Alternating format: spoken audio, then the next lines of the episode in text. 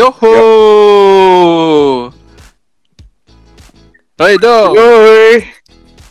Eh, Ya, gua sih Mana aja lu? Tim ini ya bukan rebahan sekarang. Gua tim di rumah aja. oh udah, Udah naik level. oh udah naik level ya. udah Lebih sadar, mendingan udah, dikit. udah insaf gitulah kita sekarang. Gak boleh rebahan mulu. Nah, Ah, gua tuh kenapa? sekalian mau curhat juga sih. Jadi kayak di kantor gua ini gua ke apa kayak dikasih tambahan kerjaan kayak gitu. Satu sisi gue seneng gitu ya karena berarti kan gue dipercaya gitu, dipakai gitu sama Oh. perusahaan. Tapi satu lagi tuh gue bingung. Ini kerjaan gue nggak pernah pegang sama sekali gitu. Kenapa? Kerjaannya tuh tentang marketing gitu bikinnya. Jadi kayak gue harus apa kayak bantu tim sales lah intinya sih. Terus gue bingung gitu. Eh ini Hmm. udah mah ya nggak ngerti gitu ya sales atau tim marketing pada zaman Ah. sebelum covid gimana terus sekarang Hmm. mau bikin event nggak mungkin dong perkumpulan banyak orang kan aduh Ya. Iya, ya tangkap tuh. gue bingung banget nah gue kali ini tuh mau ngajak Hmm. brainstorm jadi sifatnya ini gue bakal banyak nanya open diskusi eh, tapi nggak nggak cuma sama lu karena kalau brainstorm berdua rasanya kurang afdol gue mau bertiga nih Gitu. nah sekarang Yes, Agung yes, kita yes, undang yes. lagi nih Oh, udah join dia Agung. Halo. Hai Gung Halo. Halo Mas Agung. Mas. Ketemu lagi. Hai Wede, Nah, masih terus WFH. Work from halaman gue. nih eh, Yes, gimana? Eh, Gini gue, Gimana? jadi eh, gua tuh kelimpahan kerjaan bukan kelimpahan sih ya. Gue dapat assignment tambahan. Ya satu sisi gua happy gitu karena sekarang gua bisa mengikuti jejaknya lu yang passion ketemu orang, banyak ngomong, komunikasi kayak gitu. Jadi eh, gua dapat kelimpahan kerjaan dari sisi marketing. Wih, bagus dong. Ya, jadi kan kerjaan gua kemarin bikin produknya kan. Sekarang gua kelimpahan kerjaan untuk masarin juga nih produknya ke arah mana. Wah, satu sisi gua happy banget ya. Eh, karena gue bisa belajar hal yang baru. Iya. Tapi gua nggak ngerti ini mesti ngapain gitu.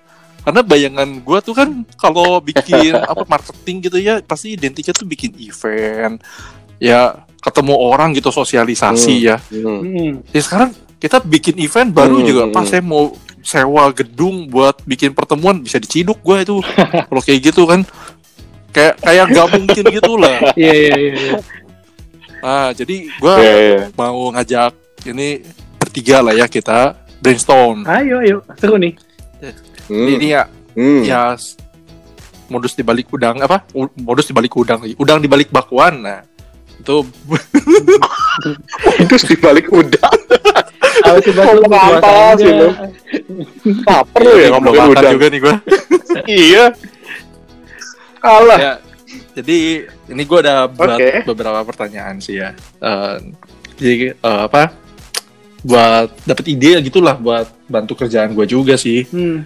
Nah pertanyaan pertama ini kira-kira ya bentuk marketing ke depannya tuh bakal jadi kayak gimana sih yang kan tadi bayangan gue cuma bikin event ya Hmm, hmm, hmm. sebenarnya dengan masa-masa covid kayak gini menurut Dom sama menurut Agung bakal jadi kayak apa sih Sebelumnya, Bas, gue mau bilang dulu sama lu, Bas. Lu sebenarnya kalau disuruh dapat tugas tambahan marketing, lu harusnya happy. Lu harusnya setuju syukur. Nanti muka lu ngejual. Oh bener banget Hmm. Iya. bener bener Wah, muka lu lumayan nih bisa ngejual atau emang Eh, Iya, iya benar. ganti cover, Mas. Atau emang muka lu melas. Muka lu melas, orang nggak enak nggak beli. tetap aja dua-duanya muka gue menjual ya baik meyakinkan ataupun memelas Iya. gitu kan oke Tapi anyway, Bas, menurut gue ya, sebelum sebelum gue lanjut mungkin gue sedikit aja mau ngasih. Menurut gue ada perbedaan. Kadang-kadang orang masih agak bingung nih, Bas, antara sales sama marketing. Kadang-kadang kalau Oh. ada ada lowongan nih jadi sales atau ada lowongan jadi marketing. Kadang-kadang perusahaannya juga suka salah tuh. Kadang-kadang ada perusahaan yang nyampur adukin antara sales sama marketing. Sebe- Hmm, hmm. Hmm. sebenarnya, ah, sebenarnya Bener. sales sama marketing itu beda. Sales sama marketing tuh kalau sales udah bener-bener uh, lo udah spesifik emang lo jualan, lo ngejual. Either mau di toko, lo mau pakai online atau lo mau pakai cara cara-cara yang tradisional, cara-cara yang modern. Pokoknya itu itu adalah kegiatan-kegiatan lo untuk ngejual barang lo. Tapi kalau marketing, marketing tuh kayak lo PDKT sama, sama mantan pacar lo, Bas. Marketing itu gimana caranya lo bikin target lo tuh nengok nengok doang, nggak perlu dia langsung beli. Oke. Jadi dia nengok dulu, dia tertarik, dia aware sama produk lo. Nah, itu adalah tugas marketing. Jadi, mar- Oke. jadi marketing itu semua kegiatan-kegiatan yang lo lakukan untuk membuat target lo tuh nengok atau paling nggak noleh lo deh. Hmm. Ca- Itu, itu be- bedanya dulu. lah ya intinya ya. Bedanya dulu. Ya, caper, caper, caper. Itu lo marketing. Tapi kalau lo udah langsung jualan, itu sales. Nah, em, lo tadi nanya apa? Ke depannya Ke depannya. marketingnya berarti gimana cara bikin orang nengok ke kita? Oke, sebenarnya lo kan tadi bahas soal COVID Hmm. juga ya. Sebenarnya uh, kan sekarang COVID emang udah udah mengubah hidup kita banget Iya. ya.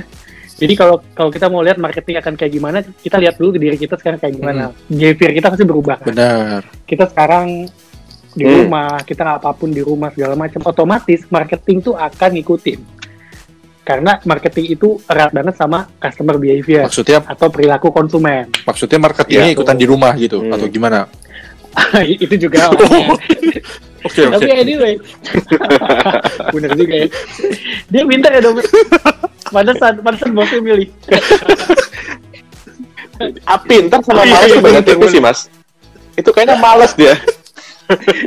Oke. Tapi ya.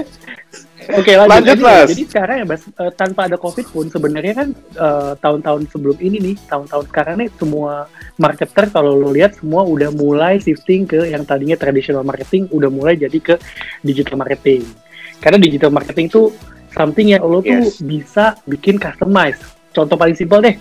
eh, lo punya barang nih, Bas, Hmm. lo punya barang apa? Lo Hmm. lo jualan apa sih? Lo biasanya kesukaan, kesukaan lo apa sih? Gue nggak tahu deh kesukaan lo.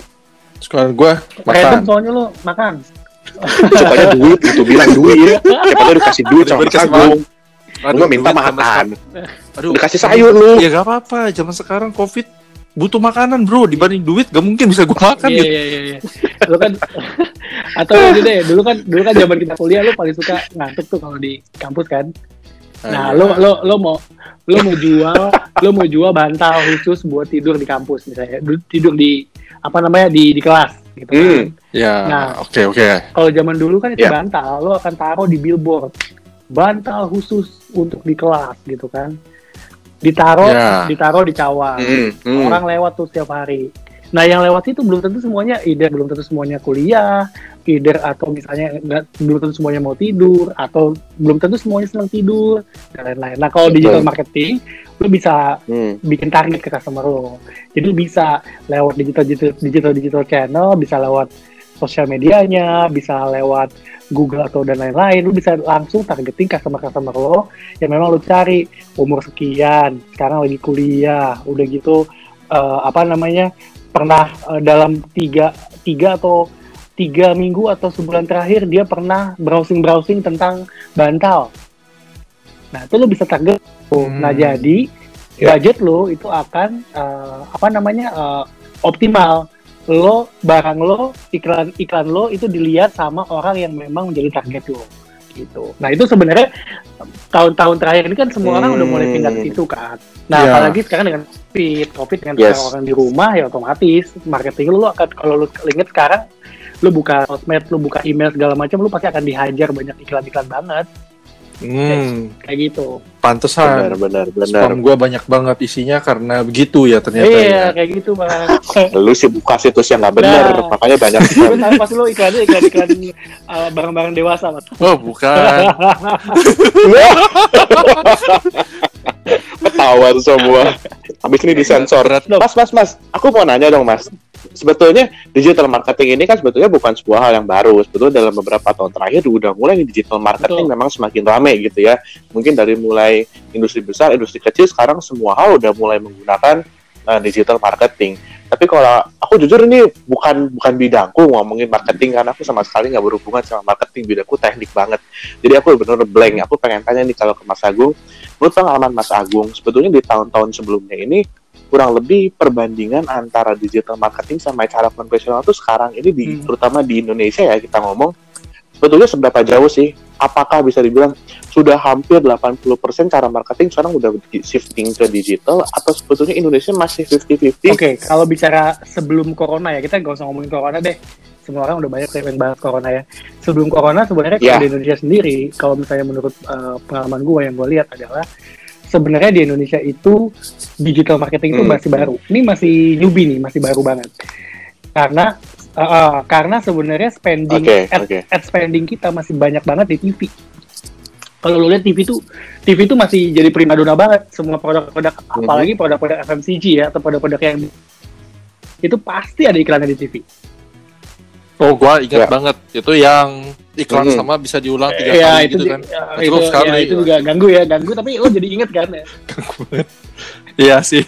Iya sih. tapi media spending itu larinya banyak banget ke TV khususnya untuk uh, perusahaan-perusahaan yang daily use yang gue bilang da- daily use tadi contoh Hmm. aja deh anak gue aja kadang-kadang tahu barang-barang atau makanan-makanan yang buat anak-anak tuh pasti dari iklan jadi pas misalnya gue lagi ke grocery atau apa dibilang ini udah lihat nih iklannya udah lihat iklannya kayak gitu jadi iklan tuh memang masih ini banget dan itu kan mahal Hmm. banget pas iklan di TV itu semua halnya setengah mati gitu jadi kalau Iya, kita betul. ngomongin kalau gue pasti akan Hmm. lihatnya kalau untuk jawab pertanyaan dom pasti dari ad spending ya dari spendingnya perusahaan-perusahaan itu larinya ke mana memang lebih banyak pasti eh, ke TV sama dulu-dulu waktu media dulu-dulu waktu media cetak masih cukup peg- megang banget tuh pasti semua orang kayaknya harus punya iklan di Kompas deh Hmm. Kayak eh, kayaknya kalau belum ke Kompas kayaknya Bener, belum, bener belum banget. punya reputasi ke perusahaan lo gitu. Tapi Mas, sekarang kalau tadi Iya. kita bicara sebelum masa-masa corona ya, tapi kalau sekarang setelah masa corona ini, ya Hmm. kita mungkin memprediksi ke depan ya, apakah digital marketing bisa dibilang akan semakin mendominasi sehingga maksudnya cara-cara konvensional ini bakal Iya. akan Jadi segera mati? sebenarnya itu tuh akhirnya konvensional itu akan mati sendiri sih dok, kalau menurut gua. Jadi sebenarnya nggak ada nggak ada eh, apa namanya tindakan-tindakan yang memang pengen matiin konvensional. Konvensional tetap pasti akan ada, tapi mau mau nggak mau jadi mati sendiri dengan Ya. perubahan behavior tadi yang gue bilang. Hmm. Karena customer semua sekarang di rumah, lo, logika sederhananya adalah lo nggak mungkin lo pasang banner Hmm. atau lo nggak mungkin pasang billboard saat orang semua ada di rumah sekarang. Iya, yang model siapa? Kan? Co- Percuma contohnya- juga. Kemarin Iya. nggak sih yang ini, gue boleh nyebut merek nggak sih? Boleh, Yang- boleh, gak apa-apa. Eh, nggak apa-apa ya. yang Ah, nggak apa-apa lah. Siapa tahu di endorse habis ini. gue gue salut sama aku tuh aku kemarin bikin satu kalau lu lihat sempat sempat viral juga eh, apa namanya dia punya billboard dia tulis pokoknya kita berharap kalian gak ngelihat iklan ini gitu tapi gede-gede Nah, akhirnya jadi viral kan tapi Oh, nice. mereka bikin juga di versi digitalnya Iya. Nah, u- ujung-ujungnya sih campaign di rumah aja sama Hmm. band sama Aqua. Tapi tapi menurut gue bagus. Tapi itu nunjukin bahwa memang dengan pergeseran uh, behaviornya customer, orang semua akan lari ke digital sih. Paling enggak sekarang uh, menurut gua sekarang PR-nya perusahaan-perusahaan itu adalah gimana bikin differentiator dengan orang lain. Karena sekarang semua orang yang lo bilang tadi, Bas, semua orang sekarang lo buka email ada Hmm. berapa coba email yang masuk? Banyak banget. Nah, itu Iya. Terus gak jelas juga lah itu isinya apa gitu Betul. kan. Jadi lo apa tantangan lo ya sekarang lo mesti bikin materi kayak gimana nih untuk orang tuh ngelihat lo beda sama yang lain. Kayak gitu. Hmm. Oke, Ya. oke. Nah, terus kan kayak kalau perusahaan gue yang bekerja di bidang IT itu ya, bekerja sih, bergerak di bidang IT gitu perusahaannya. Nah, itu kayaknya kan barang sekunder atau tersier lah ya, kalau kita omongin gitu. Beda sama kayak makanan, itu kebutuhan pokok gitu Hmm. kan ya. Nah, yang kayak gini Hmm. gimana gitu apakah eh namanya juga barang tersier gitu kita nggak mungkin beli tas branded kan zaman now apalagi kayak kayak anak atau bukan anak-anak ya kayak orang-orang karyawan biasa gitu itu juga nggak akan kan nyari nyari nyari software buat membantu dia apalagi perusahaan. Beda kalau ya buat meeting gitu ya meeting online dipaksa sama perusahaan langsung jalan. Nah terus kalau kayak barang ya saya bilangnya tersier ya yang kebutuhannya memang perusahaan emang digital marketing itu ngefek ya? Karena kalau di compare kan sama yang tadi kebanyakan digital marketing itu lebih ke arah yang kita Hmm, konsumsi hmm, gitu hmm. Gung. Nah harusnya ada beda kan antara yang perusahaan sama yang kita konsumsi gitu apa atau sebenarnya modelnya sama-sama juga sih digital Kalau marketing menurut gua sih sebenarnya kalau case lu tuh sebenarnya gua, yang gua mau tanya sama lo, gua tanya balik, lo customer lo siapa, Bas? Customer lo tuh lo tuh B2B atau B2C sih? Lo jualan ke perusahaan, lo jual, B2B. jual ke perusahaan lagi kan, bukan ke konsumen kan? yes Nah, otomatis Bukan. approach-nya akan approach-nya pasti beda karena digital marketing itu sebenarnya dia eh, akan menyesuaikan dengan siapa target customer. Wak. kalau misalnya kalau misalnya Hmm. target lo adalah uh, maze atau banyak gitu ya atau konsumen kita ngomongin konsumen ya konsumen biasa aja Mhm. rumah tangga dan lain-lain lo pasti akan lebih Mhm. lari ke yang gue tadi bilang ke sosial medianya ke emailnya dan ke semua yang mereka terpapar setiap hari lewat digital atau lewat handphonenya tapi tapi kalau lo B2B menurut gue kalau B2B masih butuh yang namanya approach ya Eh, lo kan B2B kan pasti ada decision makernya kan Nah, otomatis lo juga Yes. mungkin lo ngejar dia di sosial media dong kalau untuk hal kayak gini kan Iya, buka sosmed aja mungkin jarang gitu Lo- kan kalau yang lo bisa pakai sosmed sebagai untuk awareness aja. Jadi biar uh, public aware bahwa ada perusahaan lo yang jual produk A untuk apa gitu. Tapi nanti abis itu untuk salesnya itu kita ngomongin marketing ya. Marketingnya lo bisa pakai cara itu untuk bikin awareness. Tapi kalau untuk salesnya, menurut gua untuk B2B lo tetap harus ada ada personal approach ya, Bas. Oh, jadi yang kayak ya mungkin bukan ketemuan kali ya online meeting atau teleponan itu masih akan tetap jalan Iya. di B2B ya gue malah lihat kayaknya ya. bas kayaknya lo kalau misalnya memang lo ba- basisnya adalah IT lo kalau misalnya lo punya produk yang bisa lo jual ke perusahaan itu adalah eh, platform untuk misalnya online meeting atau apa segala macam menurut gue tuh oke banget. Karena sekarang kan banyaknya pakai third party kan ya. Gue boleh nyebut nama nggak? Kayak Zoom lah misalnya. Iya, tapi kan Zoom kemarin juga lagi ada kena eh, sentimen negatif juga masalah eh, ini kan apa eh, yes. ya Bisa hack dan juga masalah security breach jadi kalau misalnya menurut gua Mhm. ke depannya post covid itu perusahaan-perusahaan nggak akan kembali seperti dulu lagi jadi lo lo akan sangat eh, ini nih eh, apa namanya diuntungkan nih perusahaan IT kalau misalnya lo bisa punya produk yang misalnya something to do with platform yang bisa membantu perusahaan untuk bisa going digital sama employee-nya. Gua mau nyinggung dikit di bisnis lu gitu ya. Di bank Hmm. gitu. Kita semua orang pasti butuh duit. Pasti nggak mungkin nggak karena segala-galanya pasti butuh duit. Curhat dia dong, dong, Nah, dia terus- dong. Nah, yang gua tahu juga eh, di bank itu kan banyak produk Ya. investasi ya, mulai dari deposito lah yang paling sederhana sampai apa reksadana atau apalah, gua juga nggak paham gitu produk-produknya.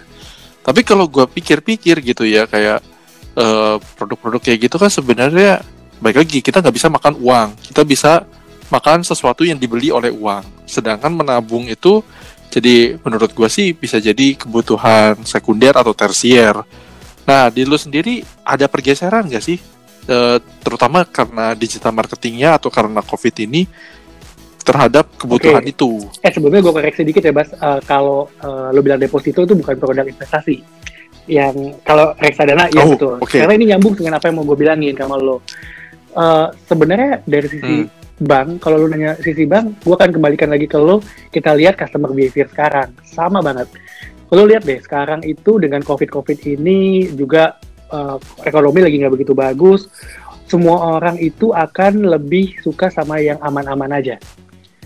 Itu satu.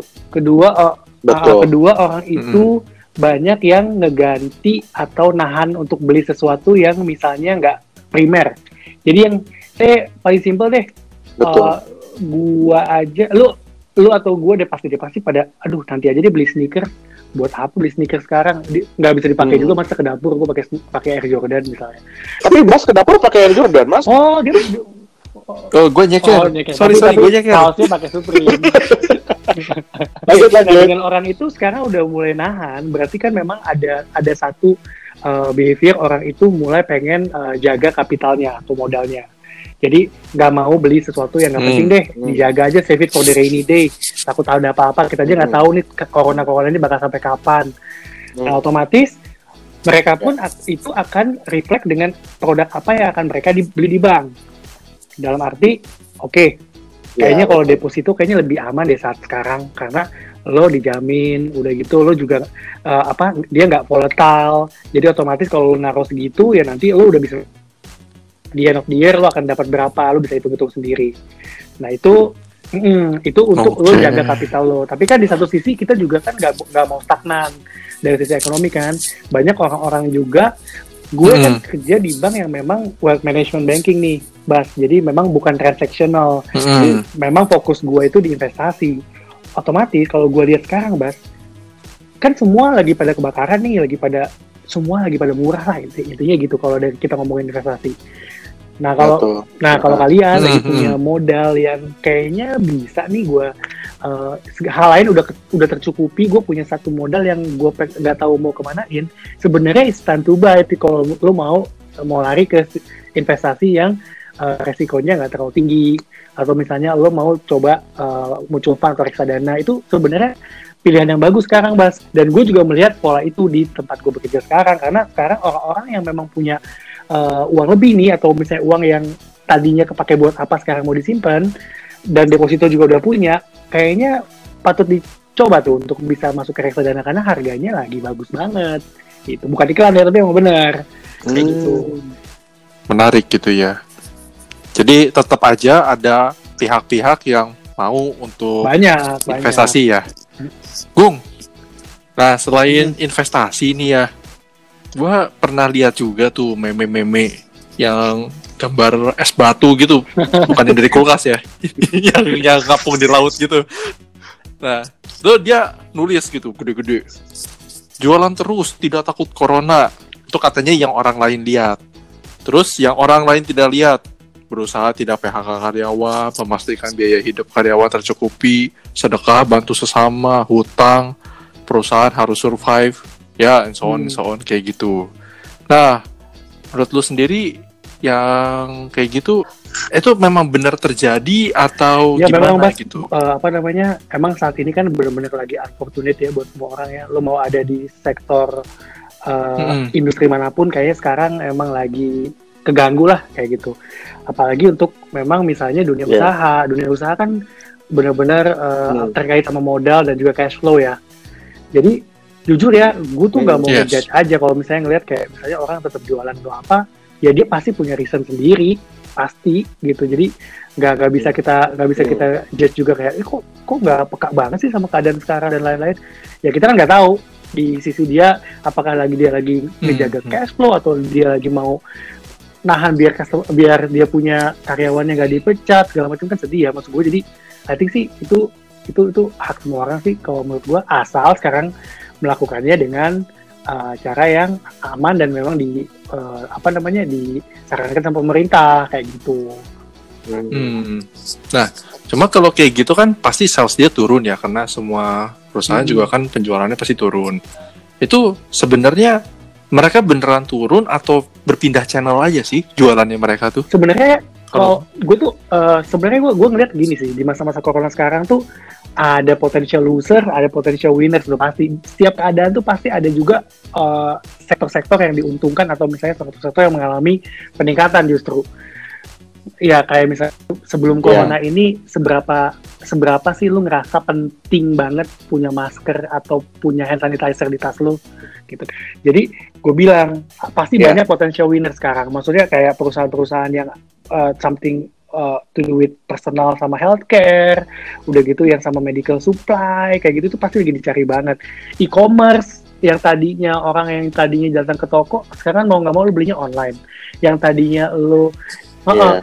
Du- Iya. orang yang beli online ada yang dari dulu emang suka online ada yang emang terpaksa karena tokonya udah nggak ada akhirnya harus beli online Iya kan nah Betul. benar nah benar. menurut gua perusahaan-perusahaan yang banget. memang udah early adapter dengan keadaan ini dari dulu emang udah punya omni channel dari dulu udah punya toko dan punya online itu sekarang menurut gua mereka bisa tetap eh, apa namanya eh, jualan bis- bisa tetap bisa tetap eh, eh, making revenue Survive lah ya. survive. Nah perusahaan-perusahaan dulu yang memang udah mah barangnya tersier, udah gitu mah dari dulu mereka memang cuman ada brick and mortar, toko doang. Sekarang mereka akan suffer ujung-ujungnya. Nah, jadi kalau misalnya Mhm. lu lihat pergerakan atau perubahan, banyak nih bisa dari perubahan yang dari sisi produknya, orang yang dulu jualan apa sekarang jadi jualan apa karena lihat ada peluang. Bisa juga yang dulunya dari sisi channelnya, yang dulunya offline jadi online. Itu menurut gua akan Iya. shifting banget. Itu pasti akan berubah banget. Hmm. So, u- tapi ujung-ujungnya mereka tuh semua pasti beli barang IT kan. Ya entah bikin website, entah bikin Betul. aplikasi, entah beli ya beli software apa pun gitu. Tinggal sekarang nih berarti ya salah satu kayak perusahaan gue yang penyedia jasa IT ini mereka nawarin hal yang tepat ke orang yang tepat gitu kan jadi kayak orangnya belum punya misalkan belum punya aplikasi tawarin software apa jasa pembuatan aplikasi jangan dia belum punya aplikasi terus jasa bikin website gitu itu jadi Iya. salah gitu Iya tergantung bener kan ya Kalau kita di ya. kalau misalnya target lo adalah company ya lo harus tahu pain points company itu apa dan memang relevan dengan keadaan sekarang. Kayak misalnya Hmm, hmm. kayak misalnya lo perusahaan Hmm, IT terus lo enggak. lo sekarang nawarin ke perusahaan-perusahaan kayak eh gue punya satu produk untuk bisa bikin ruang meeting lo tuh eh, nyaman karena lo semua bisa eh, apa namanya bisa integrated dari situ misalnya. Nah pada kenyataannya kan Hmm. kan nggak ada orang yang ke kantor, ruang meeting lo nggak akan dipakai. Semua, Bener. semua orang pakai device diri sendiri. Hmm. Jadi kalau dipikir kayak gitu sebenarnya basic marketing dari dulu sampai sekarang masih sama ya, nawarin hal yang tepat ke orang yang tepat itu di waktu kuncinya, yang Bas. tepat. Karena menurut gitu gue ya, kan nggak ada barang nggak laku, Bas. Sebenarnya yang ada adalah barang yang ditawarin ke orang atau ke target yang salah. Jadi semua Hmm. barang itu pasti laku. Interesting. Hmm, benar benar Hmm. benar.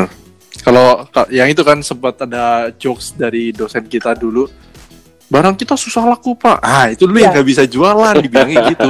Jadi gua baru baru Ya, sadar Iya, iya, gitu bener ya. juga. Iya, dijualnya ke target yang benar tapi caranya salah itu juga bisa. Atau dijualnya dengan Hmm. cara yang benar tapi ke target Iya. yang salah itu juga bisa. Bikin nggak laku Hmm. kayak gitu. Ya, Ya, ya. Eh, guys, guys, Yuk. mau nanya dong. Ini sebenarnya berkaitan juga sama episode yang Yes. lalu sih. Kan sebetulnya kita semua udah tahu lah ya, mungkin baca berita atau Mm. baca TV juga banyak sekali yang udah bilang juga bahwa sana tingkat pengangguran ini terus naik.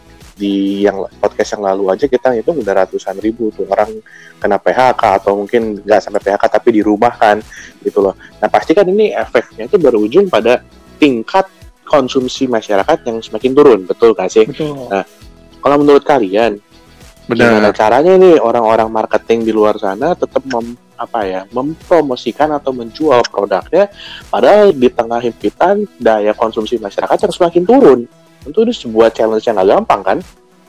Ben- Eh, jika nggak usah kita ngomong yang tersier atau sekunder lah ya bahkan yang primer aja kalau gue ngeliat teman-teman gitu mungkin kalau dia nggak terpaksa ya nggak usah beli makanan di luar gitu. Uang sekarang dia udah lagi di PHK kalau bisa masak sendiri di rumah jadi ngomong hal yang primer pun sekarang susah jualannya Benar, benar.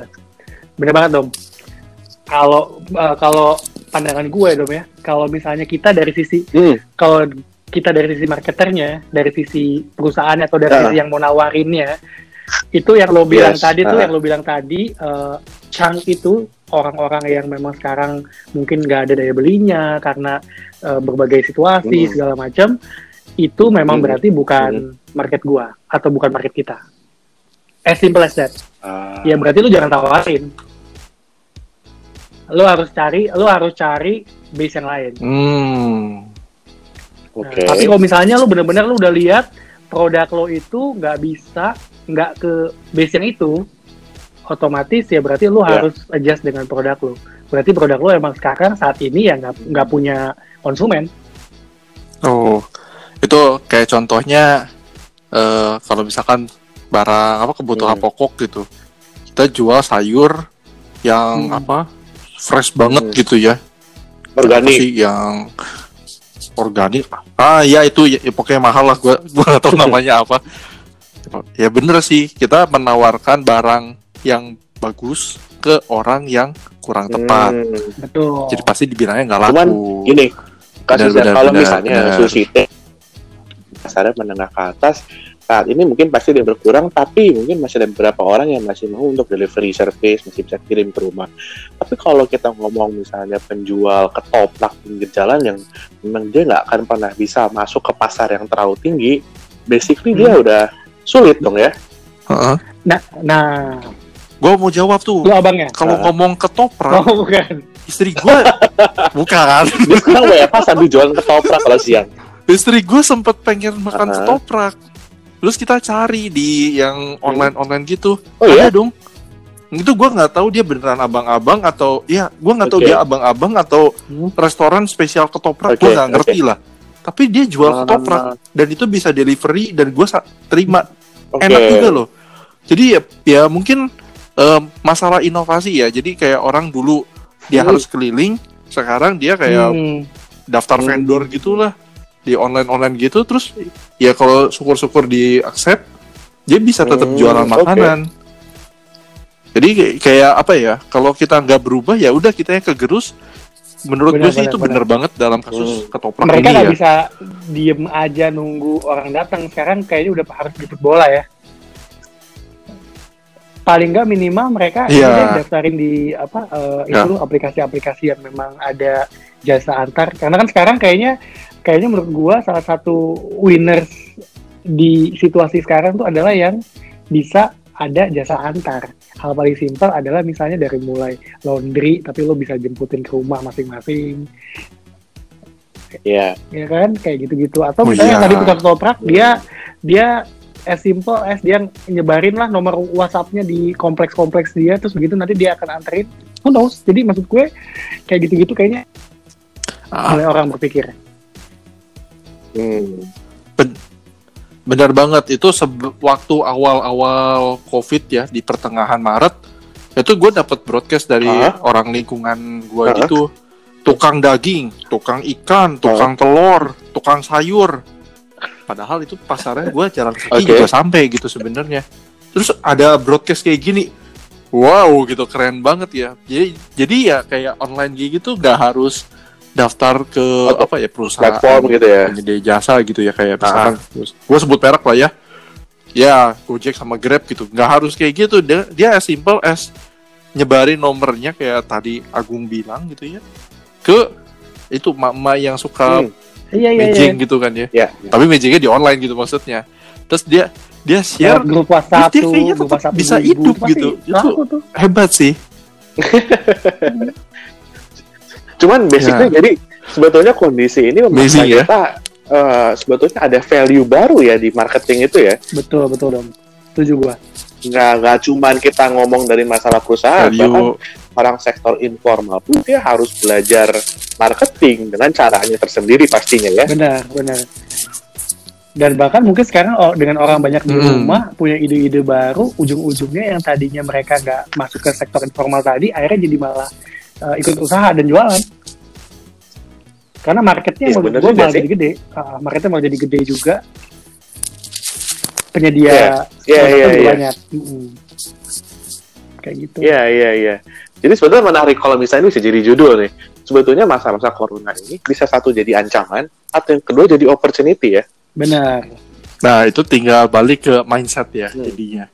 Kita mau terus kayak waktu gua dulu tuh rebahan atau kita bangkit bangkit implementasi buka ide kulkas, gitu kan. ya. bangkit buka kulkas rebahan lagi Hah? Lebahan Iya. lagi.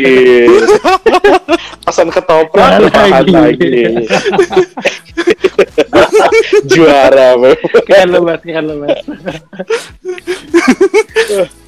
Iya, itu apa Iya. mantan ketua rebahan harus ditiru ya kayak gitu. Tapi selama rebahannya jangan lupa ya Iya, iya, harus iya, iya. mikir gitu. Oke oke. Interesting sih hari ini menarik banget iya sih. iya iya nah, pertanyaan gue satu mas Gimana gimana? sebenarnya itu kan tadi kalau kita ngomongin yang ada barang yang dijualnya sekarang Iya. kalau misalnya jasa gimana mas menurut lu coba hmm ah, kita Jasa, ngomongin yang ada jasa apa aja nih, ya, ngomongin apa bioskop Hmm. menurut lu gimana Bioskop. Mending dia bikin apa ya kayak website yang bioskop legal. Karena sekarang kalau di Indonesia kan banyak Oh, bioskop streaming. ilegal. At least dia bisa dapat ya ya terus filmnya film yang baru gitu. Kan kalau kita selama ya, ya gua ketahuan banget nih jadi streaming ilegal Hmm, nunggu berapa bulan eh Nah, baru ada nah. baru nonton gitu terus ujung-ujungnya kemasukan virus pak apalah ya udahlah ya itu Hmm. resiko gitu kan tapi kalau si bioskop ya kita ngomong di Indonesia kan Hmm. penyediaannya tiga tuh XXI Cinemax sama eh ada Flix. flick loh eh, ada flick bukan loh CGV Flick sekarang terus namanya di, nah, flick dan ya. dia juga Di pick. Di di di, di pick di pick itu emang oh gue baru Bagus tuh. Bagus bagus. Oh, baru tahu nggak pernah ke sana soalnya maaf maaf maaf saya nggak pernah ke sana Bukan anak situ ya. Mm-mm. Ya, oke empat lah. Bukan jauh banget soalnya sana tuh. Itu kan mereka sama-sama nyediain film yang mostly sama ya, barat gitu. Kalau yang CGV Iya. dia punya yang mana aneh tuh Thailand, Jepang sama Korea Hmm. biasanya dia masuk juga. ya udah itu du- kan dua dua utamanya gitu ya XXI sama CGV dia bisa tuh diferensiasi gua full yang barat dia Hmm. yang campur-campur lah terus si yang Cinemax ini nah dia kan kalau yang gua lihat dia nawarin sesuatu yang katanya lebih murah lah atau apa gitu. Gua juga nggak ngerti value-nya Yes. karena gue juga jarang nonton di situ. Ya dia coba masukin value itu ke websitenya dia. Misalkan lebih nyaman nggak ada iklan atau apa kayak gitu kan bisa gitu sebenarnya. Terus yang pernah sempat gue pernah sempat diskusi juga sama orang yang pernah kerja di bioskop. Ya dia tuh bilang yang dijual sama bioskop kan suasananya sofanya lah AC-nya terus gelap-gelapnya itu ya. Berarti dia bikin panduan. Kalau mau menonton gunakan layar kurang lebih berapa? Terus kalau misalkan pakai sound system yang bawaan dari TV-nya ya dia harus disetel di volume berapa. Terus keterangannya tutup gorden matiin lampu ah, kan jadi seakan-akan mirip gitu sama bioskop tapi lu dapet Ah, sensasi iya, iya, nontonnya iya. itu dari rumah. Jadi ya gua gua sendiri itu tipe orang yang nonton kalau ke bioskop bukan nyari suasana remang-remangnya itu tapi gua nyari Hmm. filmnya jadi gua orang yang lebih dipuaskan dari seri Hmm. cerita filmnya kayak gua nggak Hmm. suka cerita horor Gak ada nggak su nggak ngerti gitu sensasinya apa Oke. gitu kalau di gua tapi kalau action petualangan gitu gua happy karena Oke biasanya gua dapet pesan start, moral eh, kayak gitu Si Bas udah oke ya jadi marketing ya. Jadi marketer nih dia nih. Oke nih. Udah udah udah udah dapat udah dapat sense-nya dia, udah dapat sense-nya dia. karena bisa buat oh, Udah dapet Iya, ya. dapet, dapet. bisa bisa buat Bisa. orang Bedain beda gitu. bedain Eh, satu pertanyaan lagi Oh, boleh nggak? Ada ada pertanyaan pertanyaan Boleh titipan. banget. Kan sebetulnya kalau gue bergeraknya di bidang konstruksi, eh, lebih tepatnya mungkin arsitektur ya. Ada titipan juga dari teman gue. Kalau misalnya tadi kita bicara bioskop itu kan menjual jasa, tapi es sebetulnya ada ada barangnya itu berupa film itu yang lu jual sebetulnya kan. Tapi kalau kita bergerak di bidang konsultasi seperti kita ngomong Hmm. konsultan desain, sebetulnya dijual kan idenya. Kita tidak menjual betul-betul real barang gitu loh, Hmm. karena Indian ya paling ujungnya cuma dapat sekedar gambar kerja itu adalah idenya.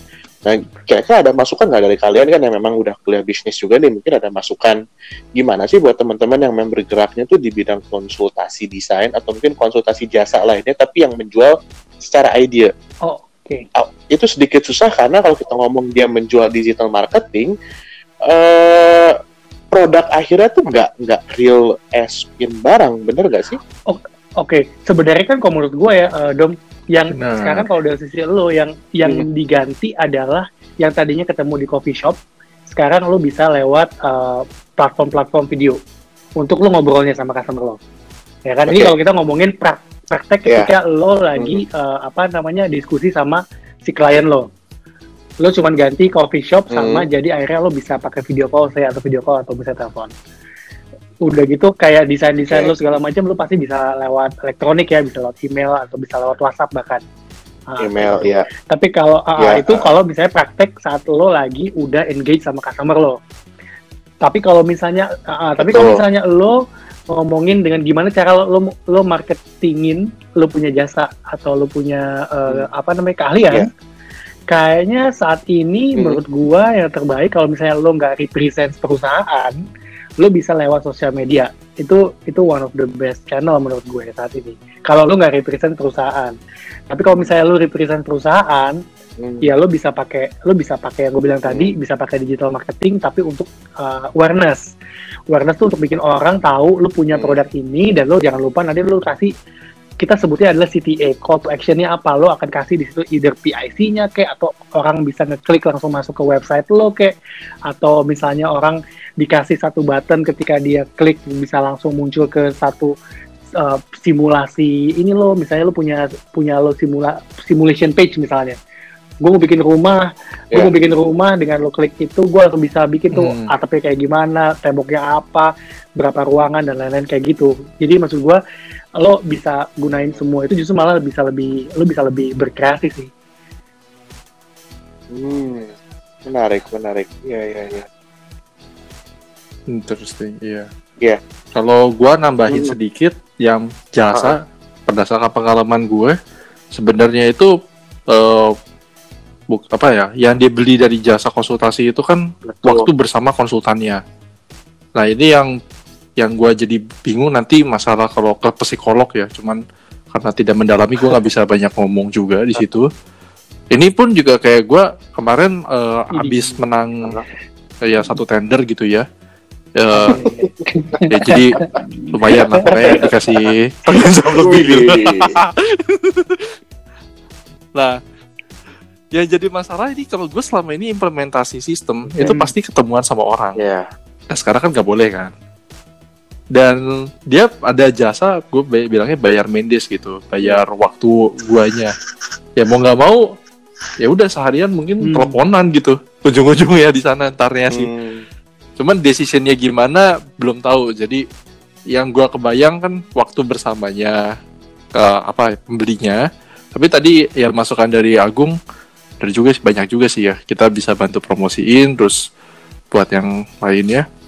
Dan ujung-ujungnya pasti ada barang akhir yang diberikan kalau jasa tuh betul betul karena nggak mungkin nggak ada sama sekali gitu ya kayak kita apa makanan ya ada ada fisik makanannya terus jasa konsultasi bersama Iya. psikolog juga ya se- seenggaknya ada kwitansi gitu kan nih bukti bahwa kamu udah bersama saya selama satu jam pasti ada lah kalau barang pijat gimana barang buktinya itu pijet ya menarik juga dong, kalau sama kayak bisa, bisa by phone. By, sama eh, psikolog ada ya lucu dia. gue karena gue di gue kan WFH udah hampir dua bulan ya.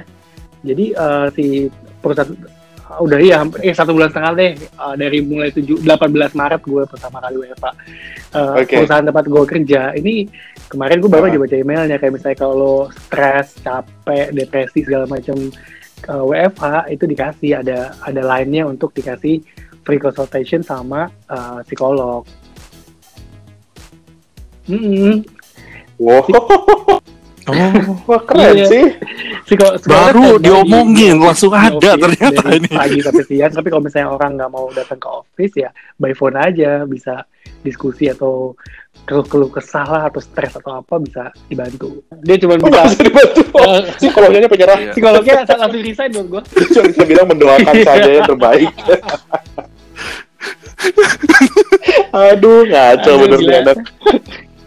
Tapi emang udah udah mulai banyak mas yang yang Udah. mulai merasa frustasi or Oh, stres WFH ini. jujur ya gue kan pasti dari dari dari circle gue aja yang memang selama ini gue setiap hari apa live with ya rata-rata sih uh, Yes. emang stres sih dong Hmm, biasanya sih emang stres stres tuh bisa macam-macam ya dari mulai koneksi Oke. koneksi internet tiba-tiba down terus udah gitu banyaknya call dan juga salah satunya adalah jam kerja yang akhirnya jadi shifting juga ke yang lebih lebar jadi kalau dulu kan kita misalnya di kantor jam 7 jam Benar 8 sih. jam 7 deh misalnya kita uh, matiin PC atau apa atau laptop udah pulang gitu di jalan sampai rumah jam 9 jam 10 istirahat udah Hmm. kalau sekarang kan enggak anytime lu bisa di contact juga anytime lu harus balas Hmm. email dan lain-lain bisa sampai malam bisa sampai tengah malam bisa sampai dini hari bahkan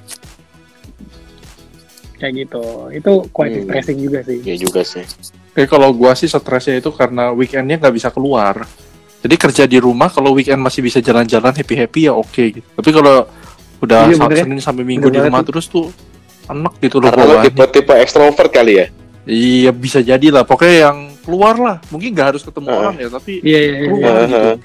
Jangan di tempat itu mulu dan gitu. Enggak sih. Itu bikin lu frustasi ya.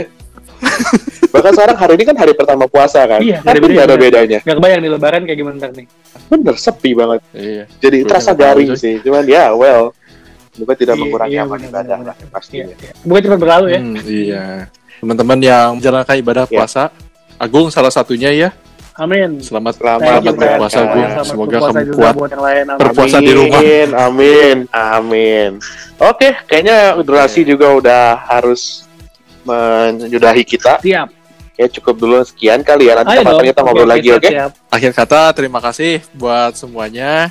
Saya bisa mendapatkan insight buat ngeles sih sebenarnya ya buat nanti up- bahan kerjaan baru gitu. Formal banget sih lu. Ya kan formal-formal ujung-ujungnya juga iya, iya, iya, iya.